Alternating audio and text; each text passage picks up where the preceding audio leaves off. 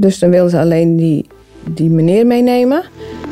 En toen heb ik gezegd van, dat gaan we niet doen. Want het is nu al zo laat op de avond. En dan komt die ambu niet meer terug om die mevrouw op te halen. Dan halen we het echtpaar uit elkaar. En dan, als het niet goed gaat, dan ligt de ene hier en de andere daar. Dan is die familie de ene helft hier en de andere daar. Ik zeg dus, dat ga ik niet doen. Dus toen heb ik een andere patiënt overgeplaatst. En dat was me goed. Leuk dat je luistert naar deze podcast. Burgemeester Hein van der Loo praat aan zijn keukentafel met zwijnrechtenaren over hoe zij deze coronatijd beleven. Wat maken ze mee? Waar worden ze verdrietig en juist blij van? Hoe blijft Zwijnrecht veerkrachtig? Gesprekken over tegenslag, hoop en vertrouwen. Dit is Aan de Keukentafel met...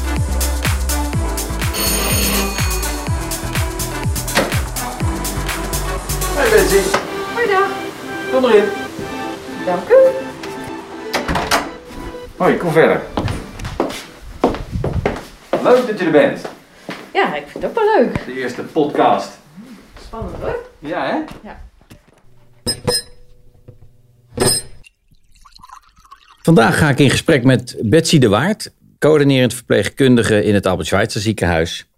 En zij ziet elke dag de grote impact van corona op de patiënten daar in het eh, ziekenhuis. En ik heb haar uitgenodigd om aan de keukentafel aan te schuiven. Welkom Betsy. Nou, heel erg leuk. Jij, eh, jij werkt dagelijks in dat ziekenhuis. Sinds corona ook een jaar geleden uitbrak. Hoe is het daar? hectisch.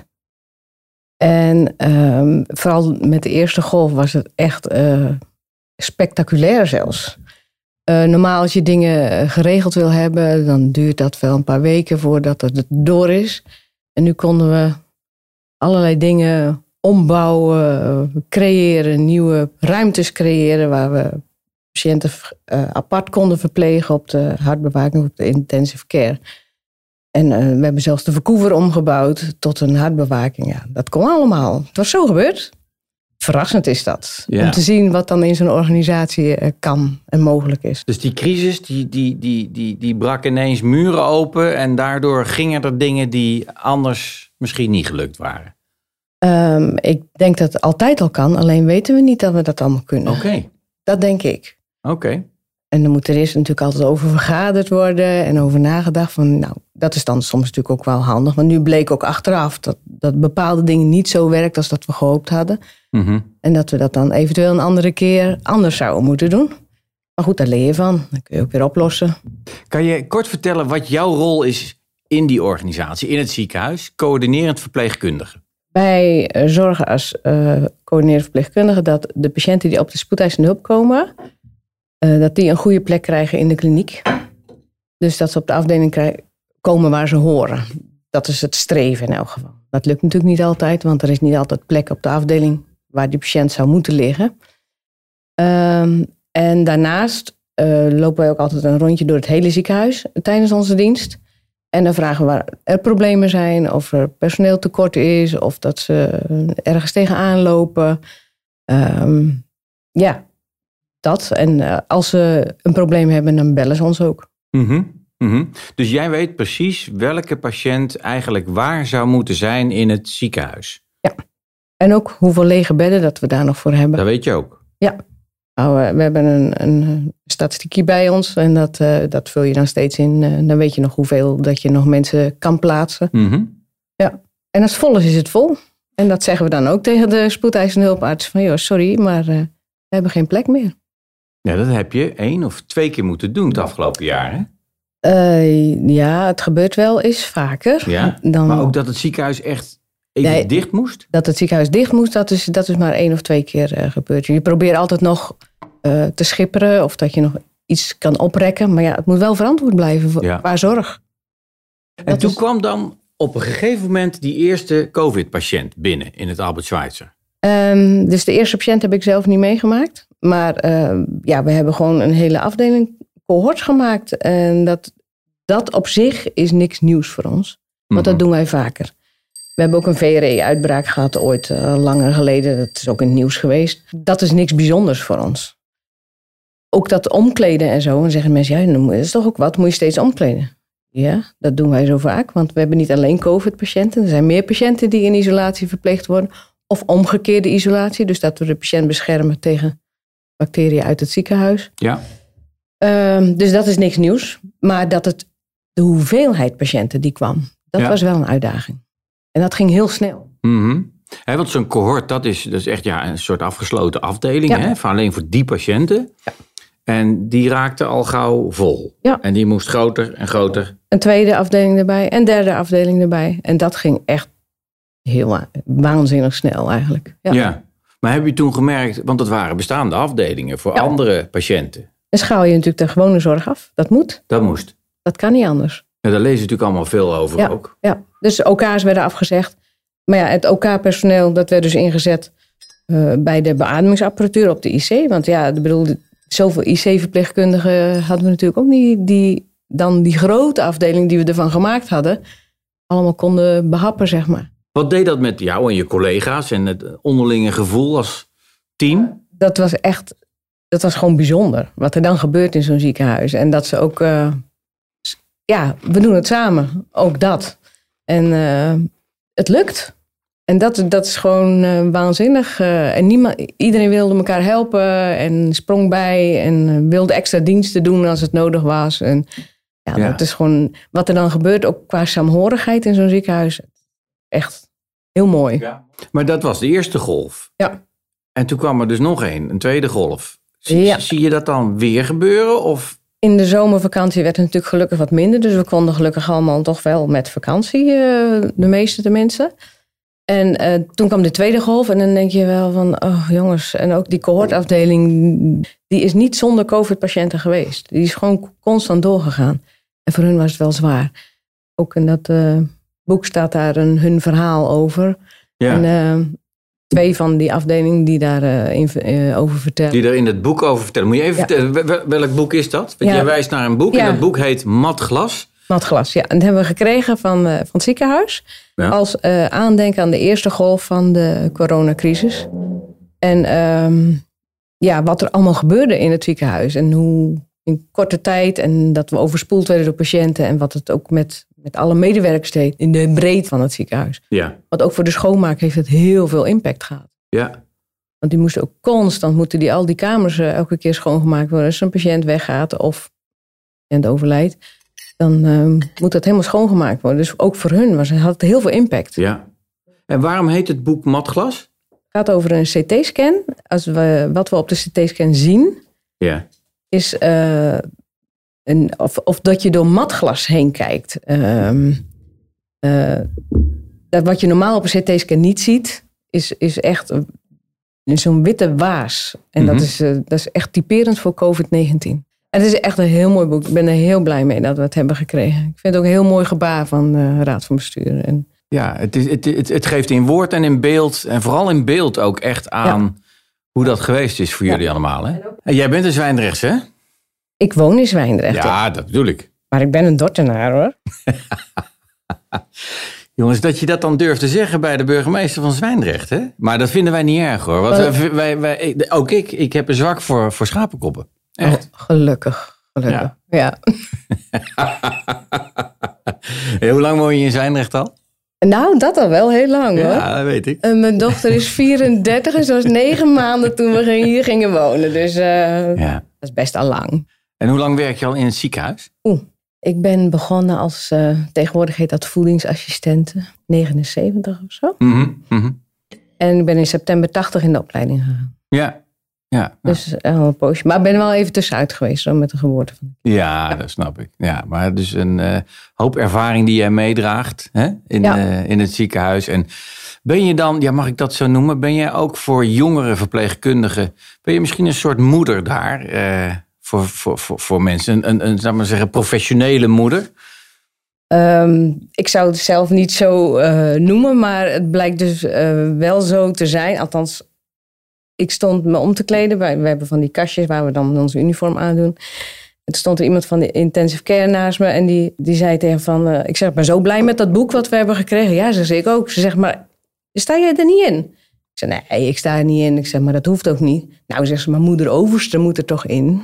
Kijk. Nou, dankjewel voor het compliment. Dat vond Ja. ik wel heel erg leuk. Vond, Ja, vond ik- ook echt een ook- compliment. ja, dat lijkt me ook. Dat Ja. het zo bedoeld is. Hè? Echt, het zegt iets over je ervaring en over je, ook hoe je begaan bent met, eh, met al die medewerkers en die collega's natuurlijk. En ook dat, je- dat je, als je ziet dat ze vastlopen, dat je even bijspringt en dat je ze helpt en dat je ze weer op gang helpt. En soms is het alleen maar als je zegt van joh, wat zou je nou, als je nou even rustig nadenkt, wat zou je dan doen? Ja. Betsy, eh, als je het nou over corona hebt, hè, die eh, COVID-patiënten, wat doet het nou met jou en wat staat je nou het meeste bij over het afgelopen jaar van corona? Het heeft veel impact. En wat het met mijzelf doet in het, in, in het ziekenhuis, eh, is dat, het, dat ik een bizarre situatie heb meegemaakt dat een patiënt uitgeplaatst, eigenlijk een echtpaar uitgeplaatst moest worden. En toen bleek dat er geen ambu beschikbaar, was voor allebei die patiënten mee te nemen. Dus dan wilden ze alleen die, die meneer meenemen. En toen heb ik gezegd van, dat gaan we niet doen. Want het is nu al zo laat op de avond. En dan komt die ambu niet meer terug om die mevrouw op te halen. Dan halen we het echtpaar uit elkaar. En dan, als het niet goed gaat, dan ligt de ene hier en de andere daar. En is die familie de ene helft hier en de andere daar. Ik zeg dus, dat ga ik niet doen. Dus toen heb ik een andere patiënt overgeplaatst. En dat was maar goed. Want later ging het dus niet goed met een van, die, van een van beiden. En die is dus overleden. Dus ik was heel blij dat ik, dat, dat ik ze niet uit elkaar had gehad. En dat soort situaties hebben mijn collega's op de afdeling heel veel meegemaakt. Ja. Ook, ook voor de mensen die dit, die dit luisteren, eh, want dat, dat is het, hoe het werkt. Hè? Als een ziekenhuis vol is, dan gaan patiënten overgeplaatst worden naar een ander ziekenhuis. En dat kan vanuit Dordrecht of Zwijndrecht, kan dat Groningen zijn in theorie. Hè? Nou, Zo- waren zo dat, dat waren meer de IC-patiënten die Ja. daar gingen. Die gingen dan ook per helikopter. Maar waar ik het dus over had, het, het zou dan naar Terneuzen gaan of naar, naar Brabant of Nou ja. net naar waar de, waar de. Ver- maar ook ver genoeg. Ver weg, Ja. Daarom. En dan Ja. heeft dat echt heel veel impact, ook voor familie, hè? En als je dan zo kwetsbaar bent en je bent er als echtpaar al in het ziekenhuis en het gaat met de een slechter dan de andere, eh, dat heb jij Ja. kunnen voorkomen dat ze uit, Uit elkaar gingen. Ja. Ja, goed om te horen. Goed om te horen. Betsy, ik heb een uh, Zwijndrechtse dichter gevraagd om voor deze podcast een gedicht te schrijven. Kees-Jan Visser uh, uit Heerjansdam, ons mooie Heerjansdam. Iedereen die nu iets maakt is natuurlijk geïnspireerd ook wel door de tijd waarin we leven. En uh, zijn gedicht heet Armen uit. En uh, ik zou er heel graag met jou uh, samen naar willen luisteren. En dan daarna uh, ja, naar willen kijken. En wat we ervan vinden en wat het, wat het gedicht met jou doet. Armen uit. Als er iets is wat we missen in dit uitgerekte duister, is het een hand op onze schouder. In ons oor een zacht gefluister. Afstand is het codewoord. Blijf angstvallig uit de buurt. Was je handen, bedek je mond, zolang dit duurt en duurt en duurt. Later slaan de ramen open. Welkom, welkom, kom naar binnen. Trek de kurk maar uit de fles. Laat het leven weer beginnen. Ik strek snel mijn armen uit om ze om je heen te slaan. Samen verward maar wijzer, nieuwe wegen op te gaan.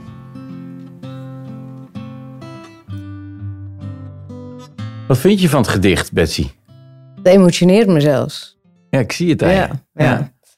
Hij heeft het zo, wat ik ook, want je vroeg net wel van wat, wat, wat doet het met jou? Mm -hmm. En toen heb ik verteld over het echtpaar. Maar wat je vooral ook, je kan mensen niet aanraken. En dat is in ons vak, is dat zo normaal. Een man zegt wel eens, blijf nou eens van iemand af. Idee dat ik iets doe, maar een hand op iemand zijn schouder. En wat hij dus zegt, exact. En dat je, dat je afstand moet halen, alles moet weg. En het is zo kil. In het begin liep ik met mijn hand op mijn rug, want ja, dat ging gewoon. Hand, iemand een hand geven, vind ik ook zoiets. Dat zegt al zoveel over iemand. Mensen grijpen met twee handen mijn gehandschoende hand. Omdat ze iemand vast kunnen ja. houden. Ja. Vond ik heel mooi. Ik denk, ja, en daarom ben ik blij en dat... Kees Jan dat... omschrijft dat zo, hè? Ja. Zo mooi, in een paar woorden. Dat, dat vind ik heel knap. Ja. In vier zinnetjes. Ja, ja. En dan dat je dat zo uh, heel, heel goed... Uh, en het doet wat met jou, omdat dat natuurlijk in jouw vak echt iets is wat je dagelijks doet en wil toepassen. Hè? Dat is eigenlijk de kern. Ja. Mens tot mens. Mhm. Mm -hmm. Je kijkt elkaar in de ogen en soms zien mensen klampen zich letterlijk aan je vast. Ze, en zeker als ze benauwd zijn. Ik weet niet of je ooit wel eens benauwd bent geweest. Maar als je benauwd bent, is het heel naar. Ja. Het is een heel akelig gevoel. En dan is het heel akelig als je op afstand moet blijven. Ja. Ja. Ik moet ook eerlijk zeggen dat ik iemand gerust wel eens over zijn rug aai. Ja. Zonder Nou. een handschoen. Oh, ook in deze COVID-tijd. Oh, en zij knikte ja. Ondeugend. Maar We dat zijn is... de menselijkheid niet voorbij. Nee. Althans, ik kan dat niet. Nee.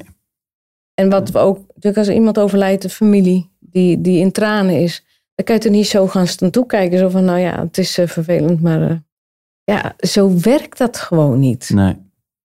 Nee.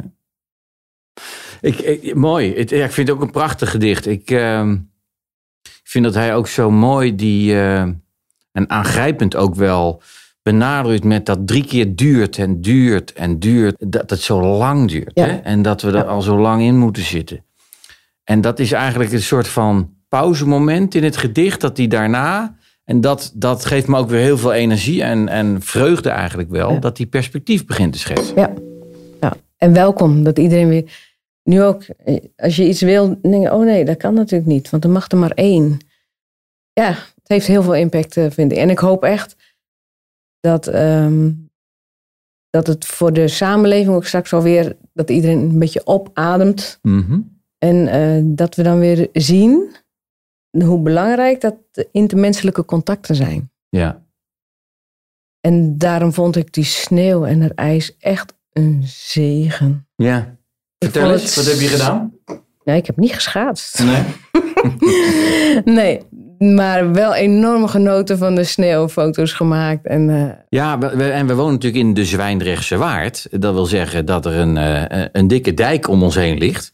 Nou, ik heb de functie van die dijk eh, herontdekt. Al die kinderen op die, op die sleetjes van ja. die dijk af. Ja. Na twee, drie dagen was hij gewoon bruin gesleten, Ja. die dijk. Ja, het was fantastisch. En en ja, nu zijn we eerder gezegd eh, niet veel verder. ja, En is het eh, lente. lente. hè? ja, Wat doen de seizoenen met jou? ik geniet er enorm van. Mhm. Alleen als het in de herfst heel veel regent, dan word ik een beetje... Ja? Ja. Nou ja, misschien is het omdat wij hier zijn geboren en opgegroeid. Maar, eh, en dat we die seizoenen hebben. Maar ik, ik, ik heb ook wel eens in, in stukken van de wereld gewoond waar die seizoenen dus niet waren. En dan mis je ik het, denk ik. wat mis ik nou? Maar dat waren die seizoenen. Ja, maar dan zie je als je terug bent hè, in Nederland hoe het is om die seizoenen te mogen hebben. En ik denk zelf ook wel eens, nou ja, dan is corona misschien ook wel een seizoen hè, dat ook weer overgaat. dat hoop ik wel. En dat dat boek dan zeggen we, en dan zeggen we tegen elkaar over een jaar of wat. Was toch wat? Mhm. Want het heeft ons denk ik wel iets te zeggen. Ja. Dat een samenleving en dat we niet alles maakbaar is in ons leven. Nee. En ehm, dat zien wij in het ziekenhuis natuurlijk heel vaak. Dat het leven niet maakbaar is. Maar buiten het ziekenhuis zijn er soms denk ik mensen die denken dat het wel maakbaar is. Ja. En dat is niet zo. Kees Jan, onze dichter van vandaag, die zegt dat ook aan het eind. Die zegt, eh, we worden misschien wel verward, maar ook wijzer komen er weer uit. Ja. Verward en wijzer. Dat is Ja. ook, weer een, ook weer een tegenstelling. Iets van leren. Maar je leert ervan Ja, ook. Hè. Dat, dat hoop ik echt. En we ja. hadden dat opschudden misschien ook wel nodig om er eh, verstandiger uit te komen. Omdat alles te vanzelfsprekend werd misschien. Ja. Ja. Hoe zou, hoe, zou je corona, hoe zou je corona noemen? ja, stof tot nadenken. Stof tot nadenken. Ik denk dat, dat, eh, Ja. Stof tot nadenken. dat Nou. er meer is op de wereld dan alleen maar eh, genieten en feesten. En, eh, maar dat er ook eh, dingen belangrijk zijn tussen mensen en tussen hemel en aarde.